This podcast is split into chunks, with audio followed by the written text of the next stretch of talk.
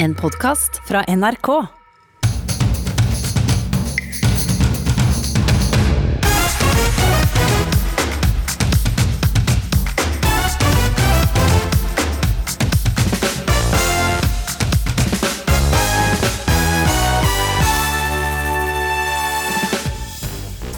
Stengte skoler og barnehager beskrives av foreldre som både ragnarok og katastrofe.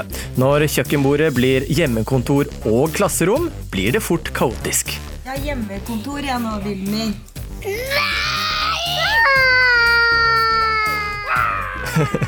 Ja, vi skal få gode tips fra både relasjonsterapeut og superlærer. Og det er forbudt å dra på hytta, men klarer folk å holde seg unna i finværet? Vår reporter sjekker ståa på Hafjell. Og hva kan vi lære av innelåste reality-stjerner i disse karantenetider? Farmen kjendisdeltaker Hege Bøkko, som er smittet av korona, og Tommy Sharif gir oss råd til hvordan vi skal holde motet oppe når vi er isolerte. Ja, god lørdag. Du hører på Ukeslutt her på NRK P1 og P2. Mitt navn er Christian Strand og er med deg de to neste timene. Ja, det var godt jeg ikke ble lærer, har kanskje noen foreldre tenkt denne uka, etter å ha fått prøvd seg som lærer for egne barn. For med stengte skoler for å hindre spredning av koronaviruset, er det nå hjemmeundervisning som gjelder for de fleste. I tillegg så skal jo foreldre gjøre jobben de vanligvis også gjør hjemmefra.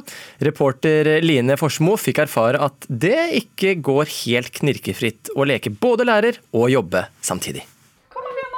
Jo, det er en interessant baby som er lillesøsteren min. Her er vi i gang med kombinert hjemmeskole, hjemmebarnehage og litt eh, hjemmekontor. Det går eh, sånn passe. For mens sønnen min på seks år eh, tegner et lilla monster og snart skal videre på matteoppgaver, løper dattera mi på to år hylende rundt i stua. Og nå er det klart for redaksjonsmøte med jobben på mobilen. Philip, bare fe- fem minutter, kan du tegne? Hallo! Her er vårt uh, skole- og barnehagekontor. Hallo! Dette er Philip. I Dagsrevyen kunne man i starten av uka møte denne familien på fire. Jeg har hjemmekontor jeg nå, Vilmi.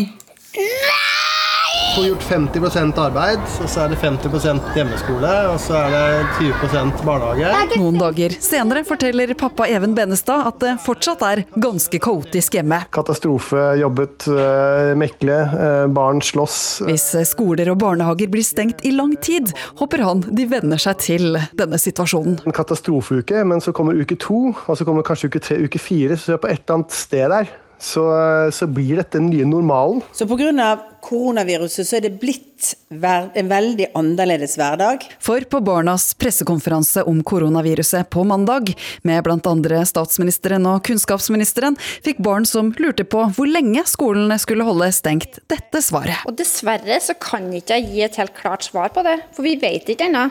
I første omgang er det stengt for to uker, men det kan bli lengre. Nå skal du først I mellomtiden fortsetter vi med opplegget skolen har sendt oss, og nå skal eldstegutten måle avstanden mellom en båt og en bjørn i matte. Multismart. Har du det? Programmet Multismart.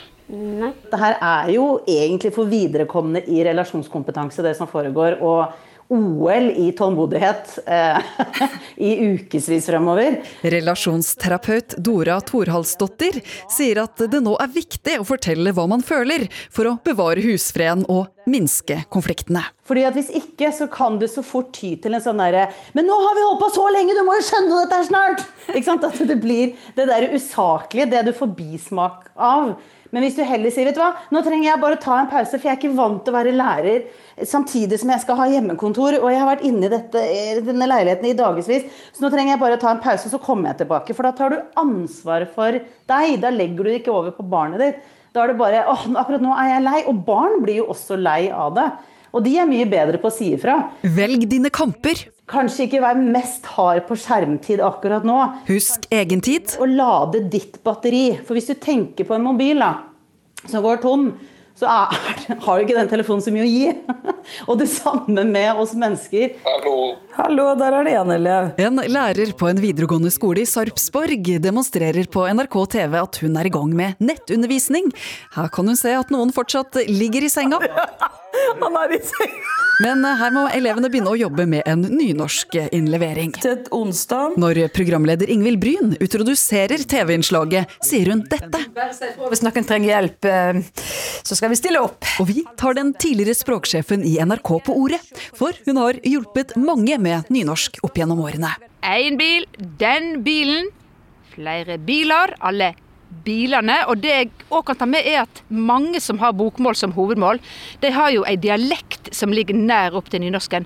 Så da er det greit å tenke på hvordan vil jeg ha sagt dette, så er det ofte ei god hjelp når du skal skrive nynorsk. Eh, Og har du nå noen råd til eh, alle oss som skal undervise barna? Ja, Med egne barn så har jeg kjørt korte økter. Jeg har hatt nedtelling på mobiltelefonen på ti minutter, og straks alarmen går, da er det pause. Og så en ny økt eh, på ti minutter, for da greier barna å holde på konsentrasjonen. Og jeg må si at jeg beundrer alle lærere som skal holde en klasse konsentrert en hel skoletime. Det tror ikke jeg at jeg hadde klart eh, på samme måte. Men så tror jeg òg at det går i kule varmt i mange heimer nå. Jeg tror det er mange foreldre som i disse dager virkelig har forstått hvor krevende det er å være lærer. Så hatten av for alle norske lærere. Skolen har begynt. Kom, da. Hvorfor kommer du ikke? Jeg er så sliten. I sosiale medier deler foreldre erfaringer og tips til hjemmeundervisning.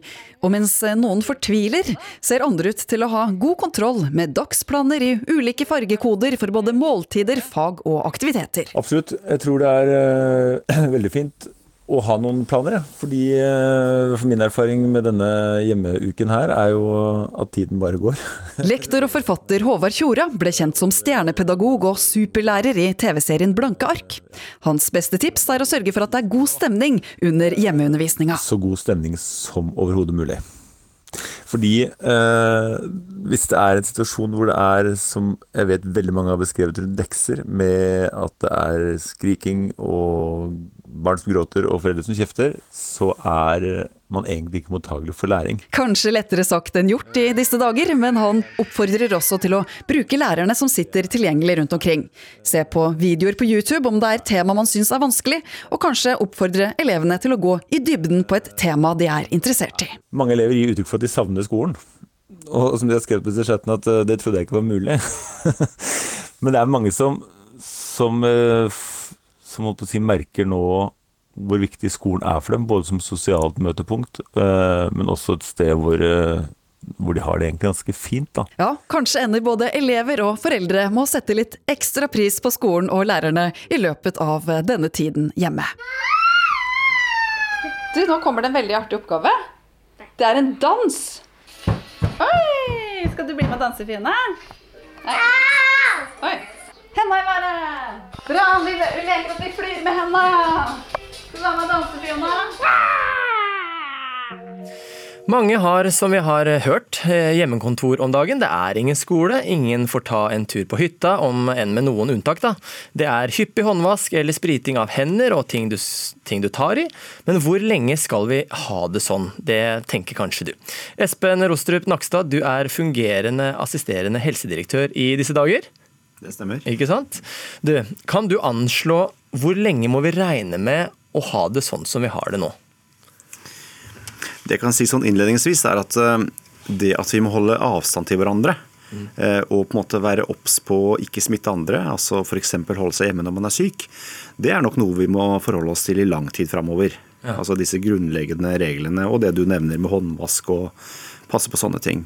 Eh, Men akkurat disse tiltakene som er midt oppi nå, som begynte forrige torsdag, eh, de eh, vil det bli gitt beskjed nå tidlig neste uke om hvordan vil forholde seg videre. Altså om de skal forlenges, og eventuelt om det blir noen endringer. Alt dette vil bli gitt beskjed om eh, tidlig til uka. Mm. Så de, de forholdsreglene som er på en måte mine tiltak, altså ikke være for nære deg, sånn som nå sitter jo vi ganske langt fra hverandre. Eh, vi, skal ikke vaske hen, vi skal vaske hender og det, men eh, det med oss skolene, for vi vet jo at de har jo vært stengt, både de og barnehager. Har man nå sett at det har fungert? Har man noen tegn på at dette virker, det vi har satt i gang? Det jeg i hvert fall kan si først, er at eh, det vi har sett, er at folk er veldig flinke til å følge de rådene. Eh, og, og at folk i stor grad har forstått hva de skal gjøre. Mm. og vi har sett på ulike registreringer av mobildata og andre ting at bevegelsesmønsteret i befolkningen har endret seg veldig. Folk holder seg mer i ro, eh, holder avstand til andre. Så på en måte, den typen effekt har vi sett. Om dette gir seg utslag i hvor mange som blir smittet, som jo er formålet med dette her, det vil vi se tydeligere og tydeligere nå utover i neste uke. Mm. Fordi da har det gått såpass lang tid siden tiltakene startet at, eh, at eh, de som da blir syke, de har sannsynligvis blitt smittet etter at tiltakene trådte i kraft. Det er da vi vil se det godt. Ja, fordi det, jo, det ble jo satt av en to uker eh, isolasjon, eller en stopp på skoler og barnehager. Hva vet du da som erfaringsmessig er to uker nok? Hva tror du? Nei, det, det, er litt vanskelig å si. Eh, hvis jeg skal bruke Kina som eksempel, så gikk jo de fra en situasjon med voldsom vekst i smittespredningen til å få veldig kontroll, og nå faktisk ingen tilfeller i går i det hele tatt, eh, i løpet av ganske få uker. Mm. Det som er eh, litt usikkert der, det er hvor mange er det i befolkningen som faktisk har blitt smittet, sånn, og det, som har gått under radaren, for å si det sånn, eh, idet vi iverksatte disse tiltakene. Hvis det er veldig mange, så kan det være at det tar litt lengre tid før man ser effekten ordentlig. Men hvis det var få, så, så, tilsier det at kanskje vi vil se en ganske tydelig effekt allerede neste uke. Men det er veldig usikkert, fordi det er helt sikkert store mørketall. Eh, så vi eh, vil både se på erfaringer fra Norge, men også andre land når dette skal vurderes. Og så vil det som sagt da bli tatt stilling til tidlig neste uke hvordan det skal være videre. Mm. Hva er siste, altså, Kan du gi oss noen tall nå? Hva er siste? Hvor mange er smittet uh, i Norge? Vet du hva, Disse tallene de endrer seg nesten fra time til time, så jeg, jeg forholder meg stort sett til de offisielle tallene. og Det var drøyt 1500 smittede i går. Mm. Og så er det eh, litt over 100 på sykehus. Eh, og så er det jo eh, ser det ut som en fjerdedel til en femtedel av dem de er på intensivavdeling. Ja. Og Det er et forholdstall som vi har sett egentlig i mange andre land, at av de som virkelig trenger innleggelse på sykehus, fordi de da får en alvorlig viruspneumoni, altså en lungebetennelse, så er det en femtedel som trenger intensivbehandling, ser vi. Vi, hører at det er eldre mennesker som har størst risiko når de først får covid-19. Hvordan, altså Hjelper disse tiltakene som vi gjør nå, da, f.eks. skole og barnehager, at de stenges, hjelp, hjelp, hjelper det for den målgruppen? Det hjelper nok fordi at eh, når man demper smittespredningen i Norge generelt, så blir også de utsatte gruppene, altså særlig de eldre og de som har eh, kroniske sykdommer, eller eh, også de som har kombinasjon av de to tingene, de blir da utsatt for mindre smitte. For det er jo sånn at selv barnehagebarn bor i en familie og kan smitte foreldrene sine. Og veien er ikke så lang derfra til besteforeldre og andre ofte. Men, eh, men, eh, litt av utfordringen er at dette viruset er ikke så godt kartlagt ennå. Man vet ikke helt hvordan dette er, sånn, hvor, mye, hvor stor betydning barn har. Men barn blir absolutt smittet, og de kan bli syke, selv om de ofte ikke blir så veldig syke. Vi hørte jo på reportasjen tidligere i ukeslutt at eh, begynner jo, mange begynner å få litt sånn brakkesjuke og vil ut i sola. Sola er fin ute. Eh, vi hørte at folk eh, kanskje i går og kanskje i dag også ønsker å ta seg en utepils. Altså, eh, hva, skal vi, hva skal vi nå gjøre, mener du, fremover for å hindre smitte? Jeg tror Det første du sier, altså dette med brakkesjuke, det, det, har jeg veldig stor forståelse for. Jeg tror det viktigste der er å komme seg ut. Gjøre andre ting, gjøre hyggelige ting. Ja. være litt kreativ, gå litt turer på andre steder man ikke har gått nyte sola. Så lenge man holder litt avstand til andre, så er det bare positivt. Og man kan trene, og man kan på en måte gjøre veldig mye hyggelige ting utendørs. Det tror jeg er det viktigste rådet mot brakkesjuke. Mm. Um, og så spør du om da det viktigste litt sånn framover. Ja, hva kan vi nå gjøre fremover? Ja, Det aller viktigste nå, det er å gjøre det vi skal gjøre. Uh, som vi har gjort hele forrige uke. Uh, I forhold til karantene. De som er i karantene, er fortsatt det. Uh, etter utenlandsreiser. De som er syke, må holde seg i ro, isolere seg. Eh, og dette med å holde avstand til folk eh, er viktig. Eh, ta hensyn til andre, men ikke minst også det å passe på hverandre. Ring naboen hvis du lurer på om naboen trenger hjelp. Og pass på å holde humøret litt oppe også, ikke at du ikke bare går rundt og tenker på dette hele tiden. Det var et veldig godt og avsluttende tips, Espen Rostrup Nakstad, som er fungerende assisterende helsedirektør i disse dager. Ja, torsdag innførte regjeringen en ny forskrift som forbyr folk å dra på hytta dersom denne ligger i en annen kommune enn den hytteeieren selv bor i. Samtidig gjøres det unntak for familier som vil isolere seg på hytta for å unngå å bli smitta av en i familien. Dette unntaket har flere kommuner nå reagert på. De vil at hytteeierne skal bli hjemme. Og Reporter Elin Fossum, du er på Hafjell, og der er det jo veldig mange hytter. Hvordan, hvordan er ståa nå? Du, jeg står på parkeringsplassen eh, på Pellestova. Det er jo et gammelt ærverdig eh, sted hvor eh, skifolka har blitt bytt på servering helt siden midten på 40-tallet. Nå begynner det å fylles opp med, med, biler her, men dette her er jo en parkeringsplass for eh, lokalfolk, da. Og når jeg kjørte opp hit og kjørte forbi alle hyttene, jeg kunne bare se stille, stengte hytter. Jeg så ikke en eneste bil eh, utafor, så det kan jo virke som om eh, som om eh, ordføreren i eh, Øyer, eh, Jon Halvor Midtmagli, har rett i. Han sa at, at, de mente at de hadde kontroll, at fjellet var tømt, at det ikke var så mye hyttefolk her. og Han mente jo at det derfor ikke var nødvendig med et forbud. og Det samme sa jo ordfører i Ringsaker, Anita Ille Steen, tidligere denne uka her, at hyttefolket dro hjem når de fikk anmodninga. Men ehm, det er jo fint vær eh, på Østlandet nå, og det er sikkert mange som tar en dagstur. Kan du anslå om det er mange som reiser opp og ned bare for å gå på ski altså på den parkeringsplassen din, eller er det, mm. eller er det mest eh, lokale folk? Jeg har kikka litt på bilnummer bortover her, og de aller, aller fleste her er eh, lokale skilt, altså. Det er veldig få biler eh, fra utafor området, kan det virke som, da. Eh, og de jeg har snakka med, det er folk fra, fra nærområdet. Jeg har ikke klart å finne noen som har kjørt langveis ifra for å komme hit på, på dagstur. Jeg kan jo spørre ei som er på vei ut på ski her, Kari Undheim.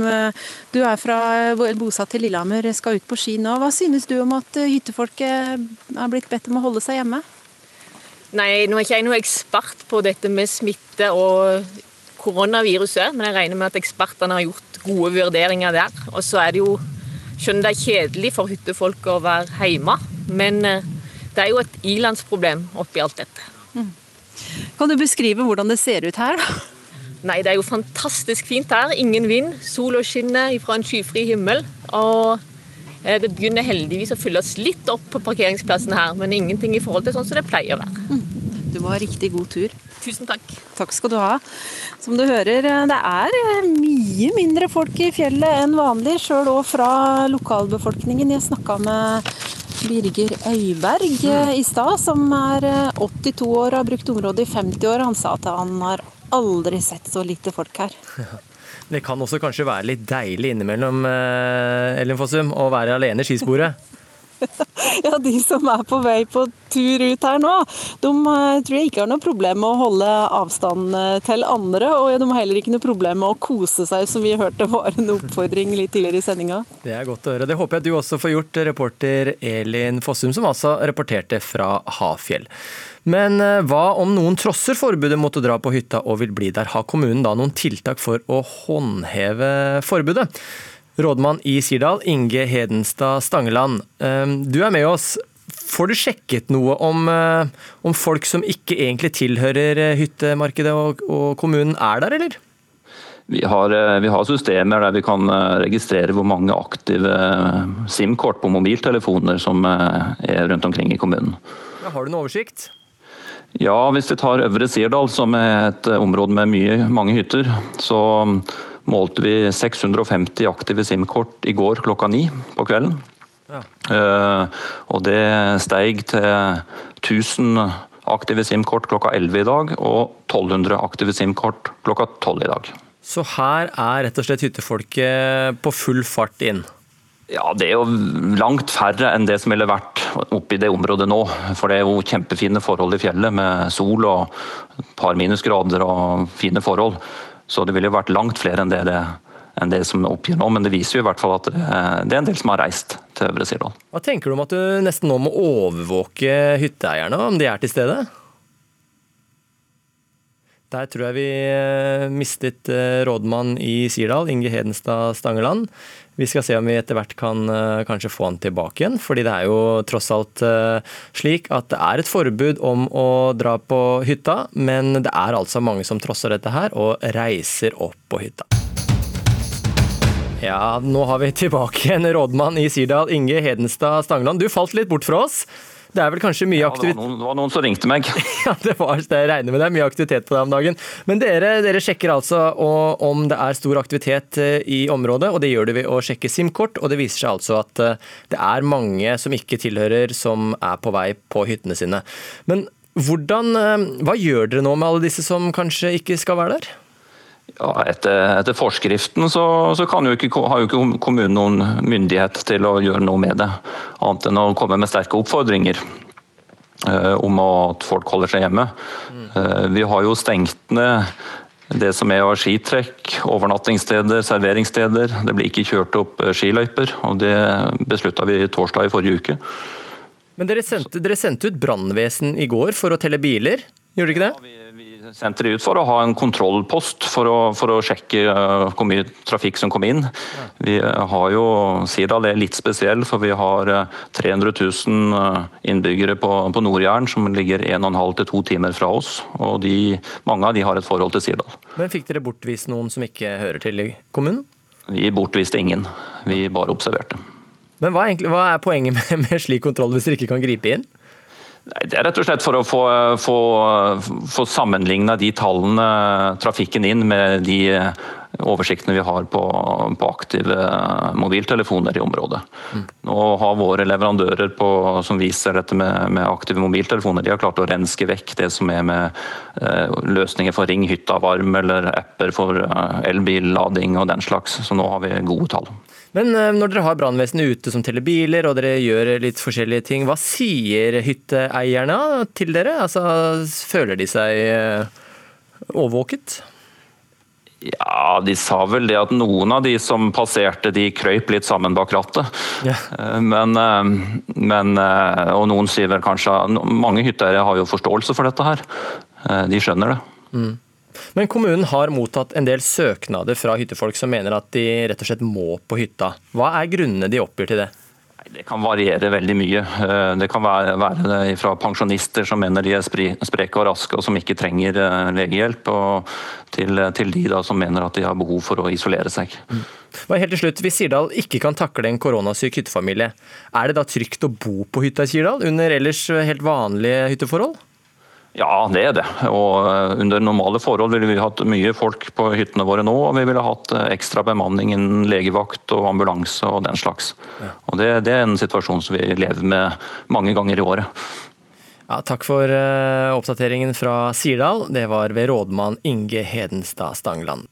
Erstmal bitte keine Panik, ihr müsst euch keine Sorgen machen, dass es, es gibt eine Erkrankung, die heißt Covid-19. Die ähm, hat sich ziemlich ausgebreitet auf der Welt in den vergangenen Tagen, in den vergangenen Wochen. Die wird ausgelöst durch das Coronavirus. Ja, her hørte vi altså på tysk 'ikke få panikk', men det er en sykdom som heter covid-19, som har spredd seg i verden de siste ukene og dagene. Og de som hørte dette, det var deltakere i Big Brother i Tyskland. For de ble nemlig orientert om eh, dette viruset denne uka.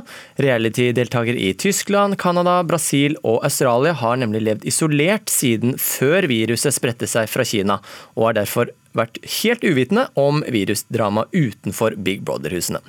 Og Vi skal da om litt få noen råd fra tidligere reality-deltakere for hvordan skal man takle det at man nå er i det man kaller isolasjon.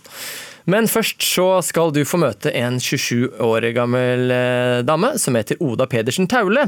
Eh, hun seilte ut fra Tanger natt til tirsdag. Da var Marokko i ferd med å stenge, og målet for seilturen det var Lagos i Portugal.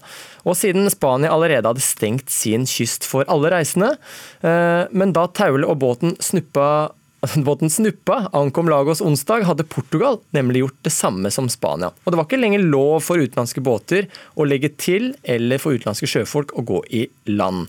Og Oda Pedersen Taule, dette her Hei. Hallo! Du er Hallo. i båten din Snuppa. Og det jeg fortalte om nå, det var altså på onsdag. Nå er det lørdag. Fortsatt så sitter du der. Hvordan går det med deg? nå sitter jeg, jeg vet ikke hvilken, hvor mange dager jeg har vært her nå, men det går veldig, veldig fint, dette forholdet. Kan du fortelle litt, hva er det, altså, Du sitter på båten din, hva, hva er det som på en måte har skjedd? Altså Det som skjedde, var jo at jeg tenkte at det var tryggere for meg å være i Europa i en sånn verdenskrise som vi er i nå, framfor Marokko. Eh, så jeg seilte hit i oh, Håpet på det beste, men eh, når jeg kom frem, så var jo grensene stengt. Uh, så jeg er jo ikke velkommen inn i Portugal. Det samme gjelder jo resten av Europa, så jeg er egentlig ikke velkommen i noe som helst land bortsett fra Norge. Så nå har du rett og slett, får... nå har du ankret opp da, i havnebassenget utenfor Lagos? Ja. Og Hvordan blir du mottatt av folk i byen? da? Jeg har jo ikke så kontakt med så mange. Jeg har kontakt med en konsul som prøver å hjelpe meg etter beste evne.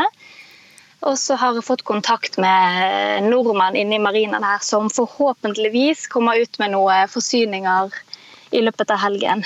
Ja, har, du, har du mat og drikke og sånn? Jeg har nok mat og vann. Jeg har ingen rødvin, dessverre. Og det er flere der ute som var enig med meg om at det er svært nødvendig i en situasjon som dette. Så folk jobber jo på spreng for å få sendt ut noen rødvinsforsyninger ut hit. Oh ja, så, så, så du, ja, for du har nemlig skrevet på blogg og sosiale medier at det er blitt lite rødvin, og det har folk hørt? ja. Men hvordan klarer, du, altså, hvordan klarer du å holde motet oppe når du er der helt alene? Jeg er jo veldig vant til å være alene. Jeg har seilt alene de siste årene. Eh, forskjellen nå er jo at jeg vet ikke hvor lenge jeg blir nødt til å være her. Og i verste fall så blir jeg jo nødt til å seile helt hjem til Norge, noe som jeg anser som veldig uforsvarlig nå eh, på denne tiden av året, og spesielt når alle grensene er stengt og jeg vet ikke om jeg kan få tak i forsyninger. Så jeg blir jo potensielt liggende her i flere måneder til de åpner grensene igjen. Og det er det som er det vanskelige oppi alt dette her. Ja, Ellers så har jeg det jo fint. Hvor lenge har du på en måte vært på båten nå? Eh, denne reisen begynte vel i midten av januar. Så jeg har jo seilt de siste fire årene og så har jeg pendlet fram til, tilbake til Oslo og til båten og seilt og jobbet. Og, ja. Så ja. Eh, noen uker eh, i isolasjon, det er på en måte nok nå, føler du? Ja, altså det, bare at jeg vil gjerne vite hvor lenge jeg må innstille meg på å være her. Ja. Og hvis jeg vet at det gjelder to uker, så klarer jeg meg kjempefint. Jeg har nok å gjøre om bord her med ting som skal repareres og pusses på og sånn, så jeg kommer jo ikke til å kjede meg. Men det er jo fint å få litt menneskelig kontakt etter hvert. Men ja, Du sier at du reparerer og sånn, men hva, hva andre ting er det du gjør for å få tida til å gå? Um, prøve å trene litt og lage mat og gå litt fram og tilbake på de ti meterne jeg har eh, disponibelt her. Mm. Og så er det jo bading, og det kan jo ligge og sole meg. Jeg føler ikke helt at det er feriestemning akkurat nå, men eh, ja. For eh, hva skjer, hva skjer, da hvis du, går i, altså hvis du kjører inn til havna og anker opp der, eller går i land, hva skjer med deg da? Jeg har jo ikke tillatelse til å gå i land. og Det maritime politiet de følger jo med, og de har grensekontroll rett inne her. Så jeg vil jo anta at uh, da kan komme i fengsel. Jeg vet ikke. Men det er jo hmm. Jeg har jo ikke lov til å tråkke på portugisisk jord, fikk jeg streng beskjed om. Så jeg må holde meg unna. Ja, du får bare holde motet oppe, trene og kose deg så mye du kan. Mm. Bade litt, spise, ikke spise for mye, men forhåpentlig så får du litt vin, og da kanskje alt blir litt bedre. Ja da. Tusen takk for at du var med fra båten din Snuppa, Oda Pedersen Tauli. Ja, straks så skal vi få høre flere karanteneråd fra reality-kjendiser som har vært isolert på Farmen kjendisgården. Jeg er meg sjøl hele tiden. Eh, enten så liker du det, eller så liker du det ikke. Men det er klart, jeg er ikke med for å delta. Jeg er villig til å ofre både armen og endetarmen for å vinne Farmen. Ja, sånn kan vinnerinstinktet til Tommy Sharif komme frem når man er isolert på en Farmen kjendisgård i mange uker.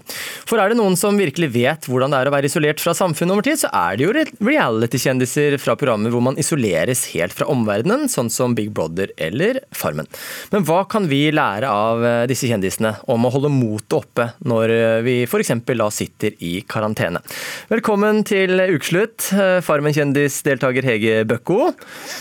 Hallo. Hei, for Vi kjenner jo deg mest som uh, skøyteløper. Og til deg, Tommy Sheriff, gründer og tidligere dekkonge. Vi kan jo si det.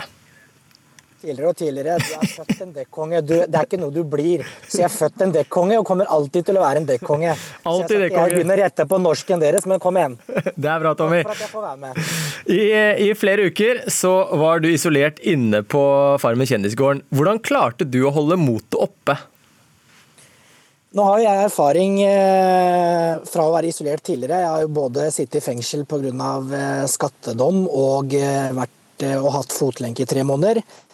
Henning Solberg, broren til Petter Solberg, er jo en god venn av meg. Han har lært meg noe helt spesielt, og det er at når ting ikke går som det skal, så må vi alltid tenke på nytt. Og jeg tror at det viktigste nå for alle sammen eh, som sitter i karantene og føler at de på en måte er isolert og innelåst, det er at de alltid tenker positivitet. Fordi det er alltid folk som har det verre enn deg. Når jeg skulle inn i fengsel, så tenkte jeg at jeg skal ikke inn i fengsel, jeg skal inn på en slankecamp. Så jeg gikk ned 20 kilo på tre måneder når jeg satt inne på ildseng. Og når jeg skulle inne på Farmen, så tenkte jeg at dette er en opplevelse du får en gang i livet. Så jeg tror at det aller, aller viktigste, det er å tenke positivitet. Nå har jeg vasket hendene mine så mange ganger, og så tenker jeg, vet du hva, det er fordelen med det, det eneste positive med det, Tommy, det er at det selvfølgelig så holder du bakteriene borte. Jeg er frisk og rask. Jeg er ikke bank i bordet ennå blitt smitta. Men jeg begynner å, drømmen min har vært å bli, være hvit. Jeg har alltid drømt om å bli lys i huden. Så nå har jeg vaska hendene mine så mye i det siste at nå begynner jeg å bli rett og slett hvit i huden. Så det er helt fantastisk. Så det viktigste er å tenke positivt, positivt og positivt hele tiden. Ja, men Det er bra, Tommy Sharif. Eh, Hege Bøkko, du sitter, du, altså, du sitter i karantene du nå, fordi både du og kjæresten din og mammaen og pappaen din er smittet av koronaviruset. Altså, hvordan er formen deres? Du, det går veldig bra. Nå er det bare mamma og pappa som har fått en positiv test, og jeg og Håvard har ikke fått testa oss, noe som er helt greit. Men vi forholder oss til som om vi har korona og vi har begge hatt symptomer på det. Så eh, det er en utfordrende tid, men det tror jeg det er for alle. Men hvordan, eh, hvordan har du brukt det at du har vært inne, innelåst på en, eh, på en Farmen-gård eh, med deg nå i, dette, i den nye tiden her, da? Eh, Nå er det jo litt annerledes å være isolert på en Farmen-gård uten telefon, og du må forholde deg til folk du egentlig ikke kjenner.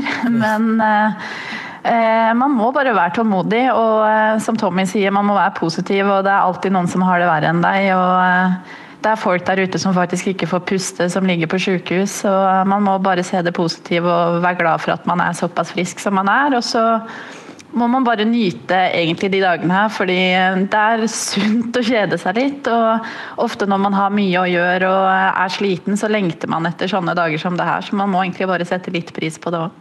Eh, Tommy, når man er, når man er isolert på en Farmen-gård, hva, hva er det altså, hva, hva, hva er det vanskeligste å kjempe mot da?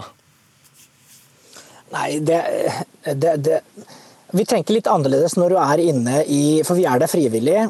Og vi mennesker tror jeg er lagd sånn at eh, det vi får lov til, det syns vi på en måte er eh, selvfølgelig veldig greit, men det vi ikke får lov til, det syns vi blir veldig vanskelig. Karantene som alle sitter i nå omtrent, eh, det er en veldig veldig spesiell situasjon. Og jeg tror at dette er også en wake-up call for alle.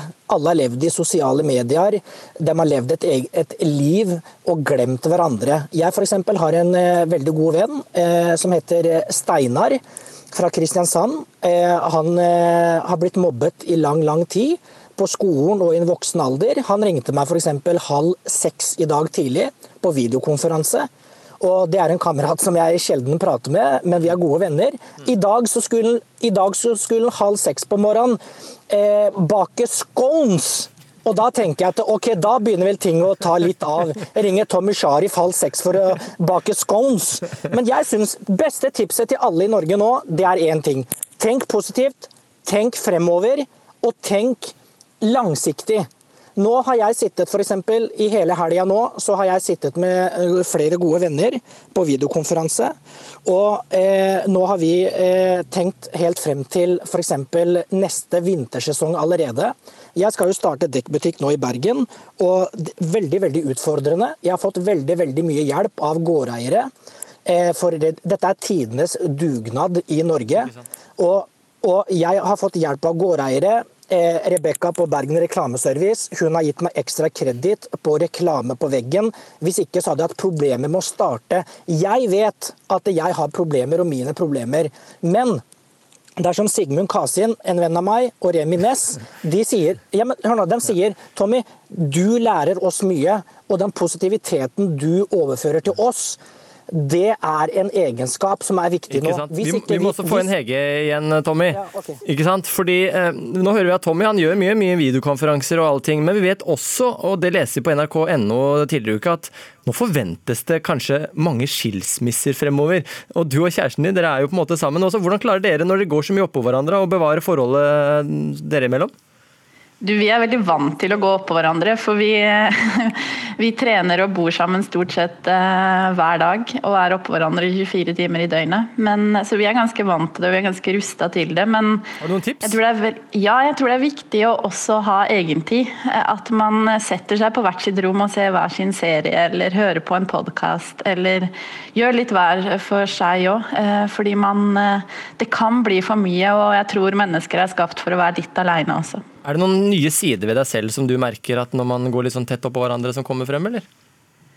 Eh, Jeg har merka at eh, den tida her så har jeg blitt veldig rastløs, og det går opp og ned. Eh, Jeg hadde en psykisk knekk her i går. Da var det veldig tungt, og alt var bare dritt og møkk. Men ja, man må bare stå i det og være positiv. Og Hvordan kom du gjennom den, da? Hvordan, tenkte du da? Hvordan tenkte du da for å få Du, da gikk jeg ut en tur, helt for meg sjøl. Eh, vekk fra folk, for jeg har jo ikke lov til å eh, gå rundt folk. Men eh, man trenger bare litt luft og litt tid for seg sjøl, og ja, la tankene fly, rett og slett. Helt til slutt, eh, Tommy. Eh, hvordan skal folk nå holde motet oppe? Hva, du hva skal man si til seg selv? Igjen, jeg får ikke sagt det nok til alle sammen der ute. Det aller viktigste er ta vare på dere sjøl. Eh, lytt og hør på helsemyndighetene, rådene deres. Og tenk fremover. Vi vil klare å komme gjennom det her. Vi vil klare å komme til hverdagen igjen. Det vil, alle snakker om snøen som falt i fjor. Det er som jeg sier, som eh, Sigmund Kasi, en kamerat av meg, sier. Tommy, nå starter vi sammen Viken snøbrøyting. Et firma, faktisk. Det kommer ny snø, mine damer og herrer! Vi må tenke positivt! Ja, Tenk positivt, det er helt riktig. Det håper jeg alle dere der som hører på Ukeslutt gjør. Tusen takk til Farmen kjendis-deltakerne Hege Bøkko og Tammy Sheriff. Da Sogndal stengte og påla alle som kom inn i kommunen karantene denne uka, ble sogndøler som ikke bor hjemme, plutselig klar over at det kan bli krevende og for noen helt umulig å ta turen hjem. I vår søsterkanal P3 er Jesper Nondal fra Sogndal for tida i praksis i Trondheim. Og siden moren hans jobber i helsevesenet, har han ikke noe sted å være i karantene dersom han skulle ta turen hjem. Men er det mulig å snike seg hjem og hilse på katta? SV og Rødt vil at eh, studenter skal få ekstra penger fra Lånekassen nå. Dette er det jeg driver med for tiden. Leser nyheter på P3 slik at folk kan holde seg oppdaterte på den uvanlige situasjonen vi nå står oppe i. Og dette det skal jeg drive på med fram til påske, før jeg tenkte å reise hjem igjen til Sogndal, der eh, mamma lengta etter å se sønnen sin som har vært vekke så lenge. Og P3 Nyheter da fikk du av Jesper Nondal. Men så fikk jeg eh, plutselig en SMS. Det er nå innført heimekarantene for innenlandsreisende som kommer til Sogndal kommune. Se info på kommunens heimeside. Kort, brutalt og ekstremt uheldig for meg. Jeg pleier å bo hos foreldrene mine når jeg er i Sogndal, og mamma hun jobber i heimesykepleien, så en karantene i samme hus som hun, det er ikke så heldig for tiden. Og jeg så lengter tilbake til familie, venner og en 16 år gammel katt som kanskje går sin siste påske i møte. Og så sogna påsken, da. Den som er som ingen annen.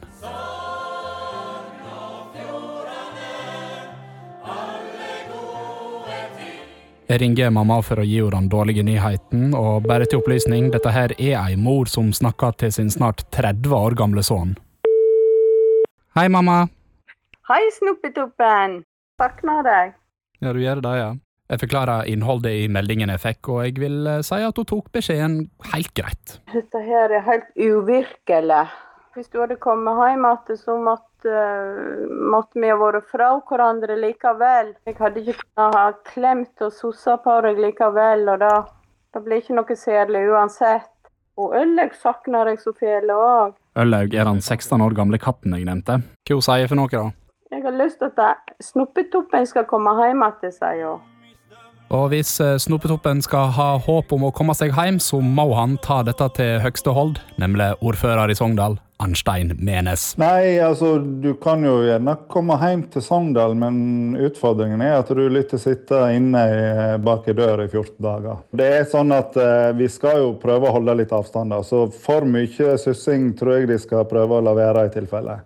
Et slag i trynet for både meg og mamma og der, altså, men eh, jeg gir meg ikke, utspekulert som jeg jo er. Men er ikke det, kan ikke jeg egentlig, sånn, egentlig bare reise hjem igjen og ikke si fra at jeg er der, da? Ja, altså, Jeg har neppe tid å følge med nå eh, hver dag hvem som kommer gjennom Sogndalsdalen og hjem til Sogndal fra Trondheim, så jeg sliter med å plukke deg opp, altså, eh, hvis ikke du sier noe. Selv om jeg er sikker på at jeg hadde klart å lure han Arnstein, så minner han meg på hvem som er grunnen til at vi har disse reglene. Det er folk på sykehjemmene, det er andre med kroniske sykdommer og andre ting som, som er mer sårbare. og Det er jo for dem at vi har laga disse reglene, ikke nødvendigvis for deg. Akk nei, det blir nok ikke Sognapaske på meg i år. Den skal jeg ta for laget, for å være greie med de som har større problemer enn hvordan de skal feire pasken i år. Og så får jeg bare håpe at eh, mamma klarer seg uten klemmingi, og at eh, katten lever et år til. Men jeg og Arnstein er i alle fall enige om at det er ingenting som er som påske i Sogn. Det er sant. Vi har den beste snøen i hele landet, sånn at eh, både du og andre vil komme til Sogndal. Det skjønner jeg veldig godt.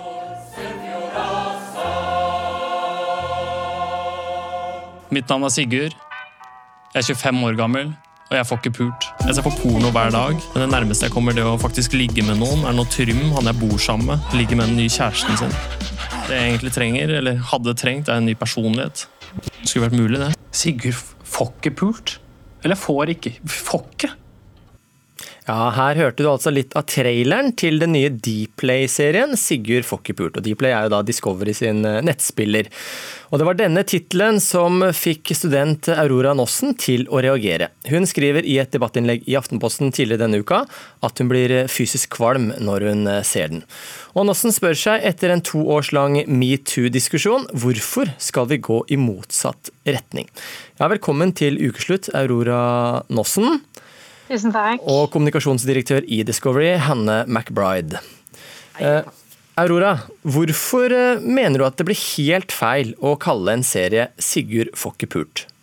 Eh, for det første, pule Jeg syns det er et vulgært og billig ord på noe som egentlig skal være ganske fint. Og jeg ville aldri sagt det ordet til barn eller foreldre eller besteforeldre eller lærere eller en jobbsammenheng.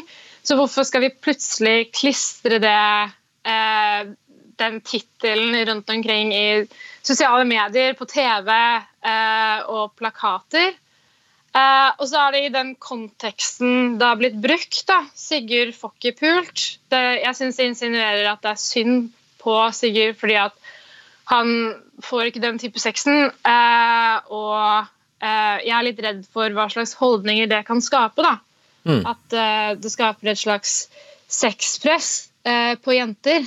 Og at eh, gutter da eh, bruker det som en sånn psykologisk press for, eh, på jenter om at det er synd på dem, og da bruker det for å få dem til å ligge med dem. da. Men hvorfor er det så støtende, tenker du? Uh, jeg syns det er et billig og vulgært ord, egentlig. Og så, er det, og så ser han jo etter å ha sex med jenter. Jeg syns det bare får verdien på sex til å virke så utrolig mye mindre. Uh, og at det er så sinnssykt mange jenter som sliter med å si nei, da. Eh, og jeg kan bli presset til sex. Mm. Hvis det blir en, en slags eh, unnskyldning til at det skal være greit å presse jenter. Um, ja, som f.eks. en jente som tok kontakt med meg etter at jeg publiserte dette innlegget, og fortalte at uh, da hun var 17 år gammel, hadde hun en kjæreste som var en del år eldre. Uh, og han hadde en kompis som var litt mindre attraktiv, og fikk ikke pult i de ordene. Så han kompisen spurte kjæresten om han ikke kunne låne denne jenta uh, for en natt, for det var så synd på han. Og kjæresten spurte da uh, hun jenta om hun ikke kunne vurdere det, og hun sa nei, og han maste. fordi det er så synd på han, for han får ikke pult, liksom. Jeg syns det er mm. Jeg synes Det kan skape helt feil holdninger. Da, og det er den markedsføringen og den tittelen som er overalt eh, i Oslo på sosiale medier. Um, ja, Mm. Hvilke negative Ja. holdninger det kan føre til. da. Og jeg, kan, eh, jeg har jo med Hanne McBride, som er kommunikasjonsdirektør i Discovery. Når du nå hører eh, Aurora Nossen sin eh, kritikk her av denne Dplay-serien 'Sigurd får ikke pult', eh, bommer, det, har, er det, er, bommer dere med denne tittelen? Jeg tror jeg bare skal, skal si at jeg vet ikke helt uh, hvor jeg skal begynne, for nå har jeg lest innlegget hennes flere ganger, Uh, og, og jeg velger å tro at Nossen har de beste hensikter her, men det, ikke, det har ikke vært sånn helt greit å forklart, få, få tak i hva hun faktisk mener. Men, men jeg trenger å være tydelig på én ting, og det er at vårt mål det er å underholde. Og det er lettere hvis man også klarer å engasjere, røre ved, provosere og begeistre. Eh, produksjonsselskapet Klynge, med produsent Rebekka Medbø i spissen, har laget en nydelig, morsom, lun, klein og sår humordramaserie om et viktig tema som vi mener er underkommunisert i samtiden. Og når vi sender 'Sigurd får pult', så er det primært for å underholde DeepLays målgruppe. Men Men det er en super målgruppe her for mye, tenker du? Jeg tenker at det er en super bieffekt hvis vi også kan få i gang en debatt om tematikken, om Sigurd og hans likemenn. Og vårt bidrag til debatten det er jo nettopp serien. Eh, og for det så må jeg jo takke deg, Aurora Nossen, fordi den debatten den har du bidratt til å løfte. Og det er mange kloke innlegg nå, både hos Subjekt, i Minerva, Ressurssenteret for menn har meldt seg på. Og den debatten det har jo tittelen på serien eh, på mange måter bidratt til, og det er jo en slags eh, mission accomplished. Eh, sånn at Men eh, Aurora mener jo på en måte at både at eh, pule er et vulgært ord, og at det, gir, eh, at det skaper økt press hos denne unge guttemålgruppen. Eh, Ser du at dere kan være med å gjøre det? det? skaper et press på jenter at gutter ikke får pult. Ikke, Det er vanskelig for meg å ta stilling til liksom en anekdote eller en fortelling fra virkeligheten som hun kommer til. Det hørtes jo eh, ekstremt drøyt ut. Eh, men tittelen 'Sigurd får ikke pult' det er jo symbol på en reell problematikk. Eh, At pule er et vulgært ord, eh, det er det sikkert mange som er enig med eh, Nossen om. Det, den tittelen har jo kommet frem som en del av altså det har vært en del av fokus, Vi har hatt fokusgrupper her i målgruppen. Det å ikke få pult, det er jo dagligtale i målgruppen. Både blant jenter og gutter. Det, jeg, det jeg har liksom et, et, et større behov for å svare på, er jo det som handler om barnefamilier. Vi har fått noen henvendelser også fra liksom konservative religiøse miljøer, og jeg har forståelse for at det kan være utfordrende å måtte forklare denne tittelen for barn. Men det har jeg også tillit til at norske foreldre klarer. Bruk samfunnsdebatten til å snakke med dere om hvilke verdier dere har ut fra deres livssyn og ståsted. Aurora, eh, du mener jo at dette her går på bekostning av likestillingen. Altså, hvordan gjør den det?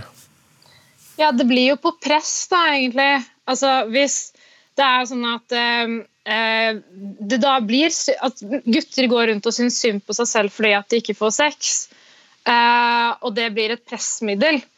Og altså, det er jo rapporter eh, at én av fem jenter er, blir offer for uønsket sex, og én av ti er, har vært offer for voldtekt. Eh, og hvis det her blir altså hvis Greia er at jeg reagerer på markedsføringen. Tittelen brukt i markedsføring. Det er ikke selve TV-serien. Det er at det er, også, at det er på plakater og på TV og på sosiale medier. Hva tenker du om det Eh, McBride sier om at eh, man må på en måte kunne tillate seg å provosere litt i en tittel også? Ja, selvfølgelig. Men greia er, er at det er ikke bare den målgruppen som ser det. Det er jo barn. 5-10-15 år gamle gutter og jenter som ser det. Skal en tiåring gå rundt og synes synd på seg selv for at han ikke får seg sex? McBride, hva sier du til det? Akkurat det siste der vet jeg faktisk ikke hva jeg skal eh, svare på. Men, men om det ikke er direkte synd på Sigurd, så er han jo en del av et større problem. Men alle går Og rundt og ser er dette fordi- i det offentlige rom, da. Det er det Aurora peker på. Ja, og det, svarte jeg vel på i stad, at, at jeg kan skjønne at det kan være utfordrende for noen. Samtidig så, så er det jo sånn, Aurora selv i sin tittel i Aftenposten bruker sterke virkemidler og, og skjønner at det å, spille på på litt harde ord og, og følelser, det har en uh, funksjon. Og Det er jo det som har vært vesentlig for oss, er å få folk inn til å se serien, debattere tematikken som er vesentlig. Og så vil jeg også si at eh, Aurora sier i Aftenposten at ikke la reklame for TV-serien være en tillatelse til kvinners undertrykkelse i form av seksuell trakassering eller fordommer mot kvinner. For det første eh, så ligger det ikke noe underliggende krav om at, om at kvinner skal tvinges til å ligge med Sigurd her. Det er ikke en tittel som, som, heter 'Sigurd puler kvinner som ikke vil eller sover eller gjør motstand'. Sigurd er ikke en overgriper. Sigurd er en sosial evnuk. Eh, og det betyr ikke at verken han, serien eller tittelen på serien er degraderende mot kvinner. Og så må jeg også få lov til å si noe om, om, om, det hun sier om at ytringsfriheten her går på bekostning av likestilling. Det er jo akkurat likestilling vi snakker om når vi snakker om et, et økende samfunnsproblem for menn. Og så syns jeg at eh, Jeg skal ikke gå inn på ytringsfrihetsdebatten, men, men påpeke at ytringsfriheten vel handler om retten til å si noe. Du, du, du, mener du henviser til et problem hos menn. Hva er det du på en måte henviser til da? Det er, jo, det er, jo, hele tematikken for serien. Nettopp at det er en økende grad eh, av menn som er utilpass i dagens samfunn. Som, eh, som, sliter. De blir i større grad valgt bort eh, enn kvinner. Kvinner ønsker seg attraktive, velutdannede menn med god inntekt. Og her er altså problemet for den økende graden av menn som faller helt eller delvis fra disse standardene. Og jeg mener jo at det er synd på alle som sliter både kvinner og menn. Det er ikke noen motsetning i det. Og fokus bør jo kanskje heller være eh, liksom et felles mål om å identifisere og diskutere der behovene viser seg, og ikke oppsøke konfliktlinjene, eh, slik Nossen gjør her, ved å, ved å på en måte la seg krenke jeg, jeg, jeg syns jo at hun eh, på mange måter eh, finner en knagg i Sigurd Fokkepult for å liksom kjempe kvinnekamp. Og det er eh, typ hashtag ikke min eh, kvinnekamp, det er mer enn hashtag eh, krenka. Aurora, eh, Aurora Nåsen, du er altså studenten som har skrevet dette her i Aftenposten. du har fått mye tilbakemeldinger fra både menn og kvinner. Hva, hva, si, hva, hva sier de på den kronikken som du har skrevet? Det er utrolig mange jenter som har sendt meg meldinger og har ringt meg både tekstmeldinger, Messenger og Instagram, og har takket meg for at jeg har tatt denne saken. Um, at de selv har følt dette presset med at det er synd på gutter, og derfor skal uh, man ha sex. Uh, og så har jeg fått ganske mange negative tilbakemeldinger fra menn. Uh, det er noen som har sagt 'rulle inn puppen', at jeg mangler empati, at jeg er ei lita hårsår jente. Uh, at jeg er et jævlig menneske. Og det var en som sa til meg at, uh, skulle, at, han hadde lyst til å skyte seg selv i ansiktet fem ganger med en pumphangle innen han var ferdig med å lese, for han syntes det jeg sa var så sykt teit. Men det her er jo en degradering. Og det får, meg, mm. får jo meg til å tenke at uh, kanskje det ikke er så likestilling i Norge som det vi påskryter oss. da.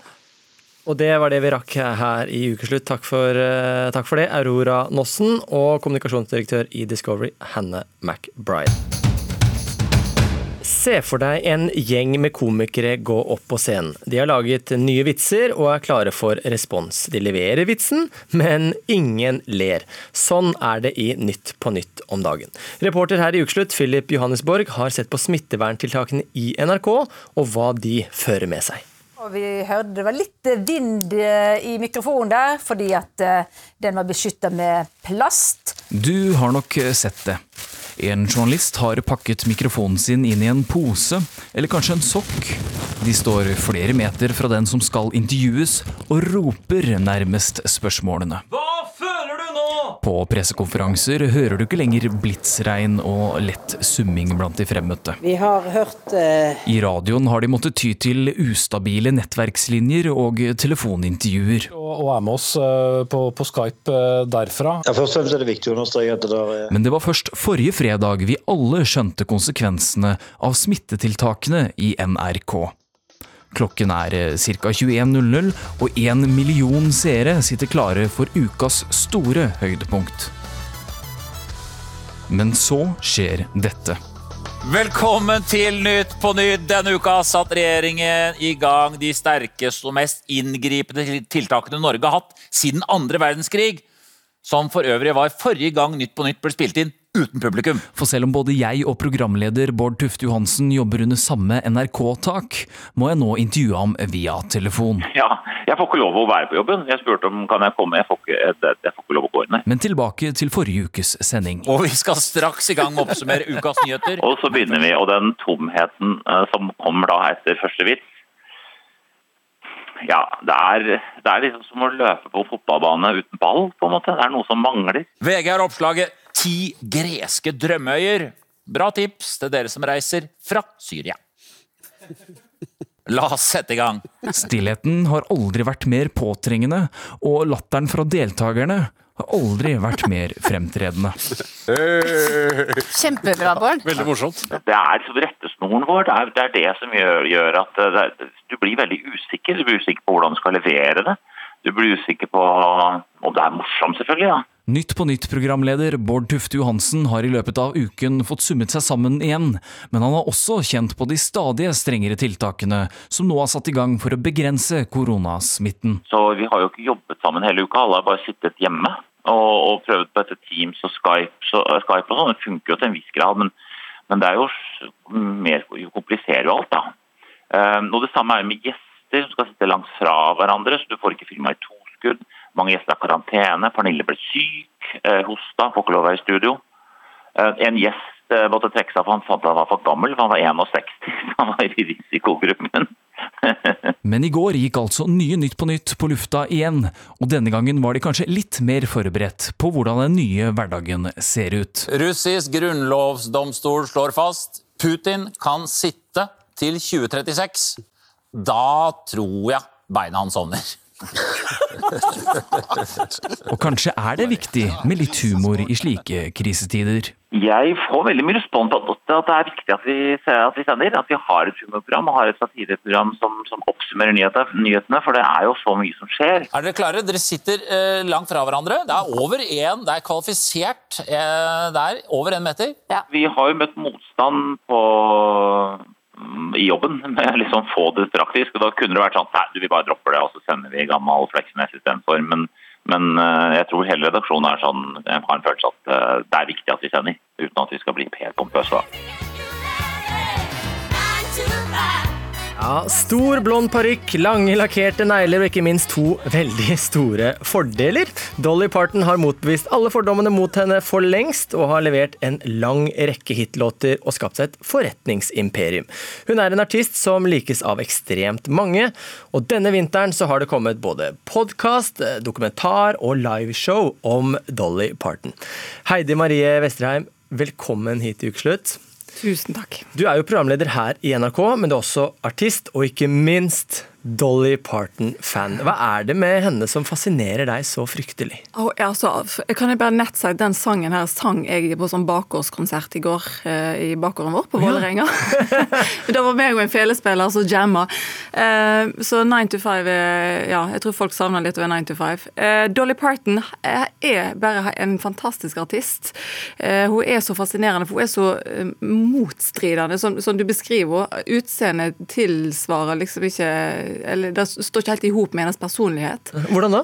Nei, altså Hun er en, en kvinne av sin tid, holdt på å si. og Hun slo gjennom i et mannsdominert underholdnings, eh, underholdningsbransje på 60-70-tallet. Sto på sitt. Er businesswoman. Utrolig smart. Og så tror jeg òg at det, eh, talentet har hun alltid liksom slitt litt med at det skal liksom overskygge hennes eh, to andre fordeler.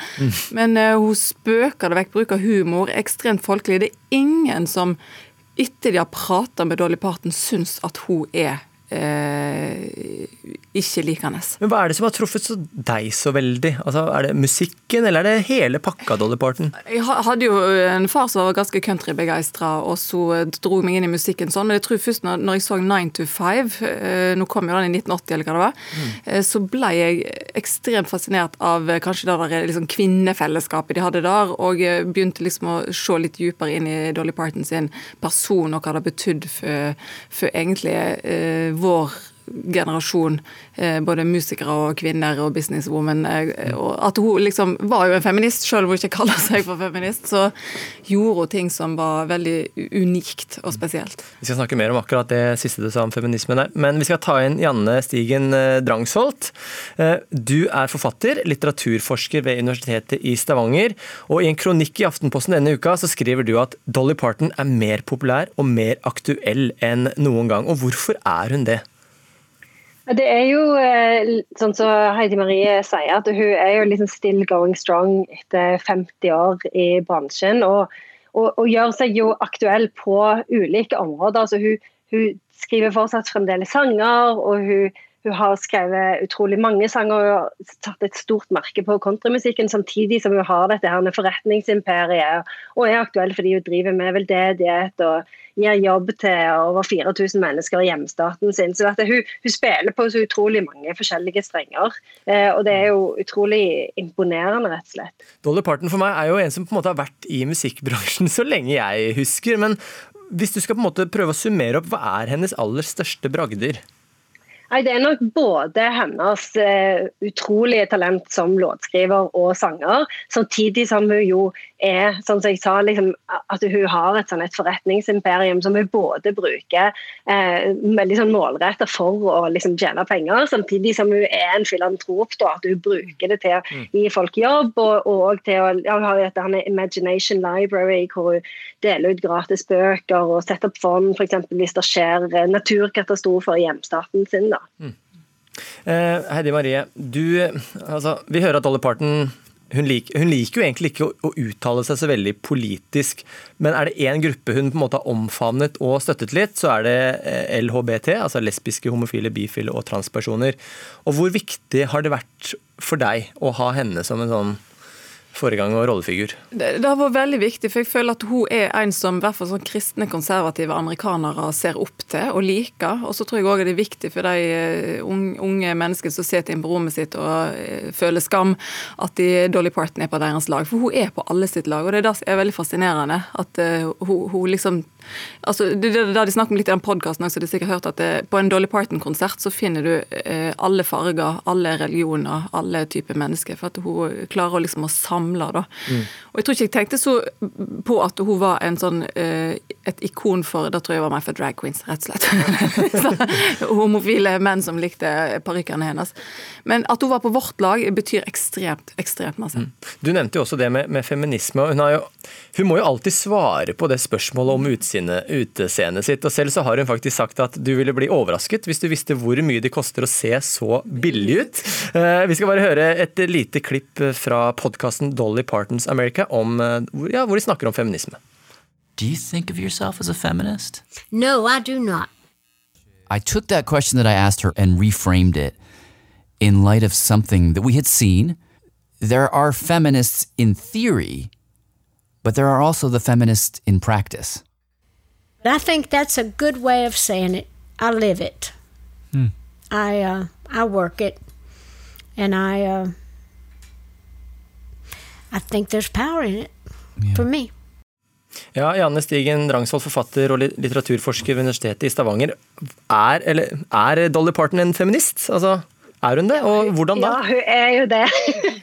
jeg syns jo, jo, det er jo vondt når hun sier at hun ikke er feminist, men samtidig så skjønner jeg jo hvorfor hun sier det. fordi det er jo det er jo ikke alle som kjenner seg igjen i det som de oppfatter som sånn politisert feminisme. og Det er jo en del av hennes stil sånn som Heidi Marie sa, holde seg liksom utenfor politikk. Da. Men, men, samtidig så er hun jo det er jo sånn som hun sier, I live it. altså Hun mm. er jo feminist i praksis. Eh, og bare det liksom sånn så vi har snakket om nå, at hun kan gå rundt med en diger blond parykk og utrolig lange negler og to gigantiske fordeler, og liksom samtidig forlange å bli tatt på alvor, viser jo at hun, hvis, hvis, ikke hun er feminist, så er det ingen som er det. Ja, Hva tenker du Heide Marie? Jeg må huske litt at Hun er jo over 70 år, og, og feminisme blomstra. og De var veldig hissige og sinte og bitre og ganske så forbanna, liksom. Og det er da hun forbinder med feminister, dessverre. For det er jo et, som alle vet, et mye videre begrep enn det. Men, men, hun identifiserer seg ikke med det, og hun har nok litt sånn old school syn på feminisme. Og er det én ting Dolly Parton er, så er det, eh, det Hun eier ikke et, et snev av bitterhet. Det, det, det, er sånn umenneskelig raust uh, som foregår i hennes uh, sjel og virke. Så hun uttrykker i hvert fall aldri noen sånn form for bitterhet. Og da er nok kanskje det hun ikke klarer å helt identifisere seg med. Da. I, I, kronikken din, Janne, så skriver du også om dette parten-paradokset. og hva er det du legger i det? Altså, hun blir rett og slett bare likt av alle på og enhver? Ja, altså er det jo det der med at hun òg eh, gir liksom et inntrykk av at hun eh, at hun er veldig sånn åpen, at du føler liksom at du blir veldig godt kjent med Sånn som i den podkasten, så føler du jo som lytter at du blir veldig godt kjent med henne, at du liksom skjønner hvem Dolly Parton er, men samtidig så er hun jo utrolig privat, og hun sier jo det sjøl òg, at eh, jeg forteller deg det jeg vil at du skal høre. Så at hun, hun balanserer det veldig sånn målretta, men, men, hun gjør det på en måte som, som, som, ja, som gjør at du, du, føler at du er på, på laget ditt, og, og, at du er liksom raus inkluderende, at du snakker til deg. da. Så, så, så, det er jo en del av hennes stil hele tida. Og det er jo samme med, med feminismen, liksom, måten hun bruker humor eh, og, og, og, er feminist på sin egen måte. da. Jeg vet ikke om dere to vet så mye om dette her, men i dag så ble det altså kjent at countrylegende Kenny Rogers eh, var gått bort. og de sang jo sammen på en låt, uh, 'Islands In The Stream', som Bee Gees skrev til, til de. Og vet du noe om det, Heidi Marie, om deres forhold? Jeg kan bare si at Det var min brude, brudevals. Var jeg gifta meg med kona mi som spilte med Islands in the Stream. oi, oi, oi. Så jeg, eh, ja, jeg hadde veldig godt forhold til den låten. Ja. Men deres forhold Nei, jeg tror de bare kjørte på. Det er jo sånn at Hun er jo kynisk, hun ser jo hva som er good business. Og Dolly og mm. Kenny var good business, altså. Ja. Det var eh, flere tiår, da. Vet du noe om det, eller eh, Janne Stigen Reisholt? Jeg vet bare at eh, foreldrene mine hadde platebutikk eh, når jeg vokste opp, og den juleplata til Dolly Parton og Kenny Rogers, den, altså det ble ikke jul i Sandnes uten den. Den gikk liksom fra 1. desember til 24. hvert år. Takk for at dere var med i Ukeslutt og fortelle om country countrylegenden uh, Dolly Parton, Heidi Marie Vesterheim og Janne Stigen Drangsholt. Og da er det jo ikke noe bedre enn å høre låten Kenny Rogers og Dolly Parton sang sammen, 'Islands in the Stream'. Til deg som sitter hjemme og har hørt på, du hører på Ukeslutt, og ansvarlig for denne sendingen, det er Kari Li. Teknisk ansvarlig, det har vært Marianne Myrhold. Og i studio så er det Christian Strand. Og så er vi jo på podkast, så husk å finne oss der hvor du hører på podkaster. Og så er vi på nrk.no nettradioen. Vi er tilbake om en uke. Ha det bra så lenge.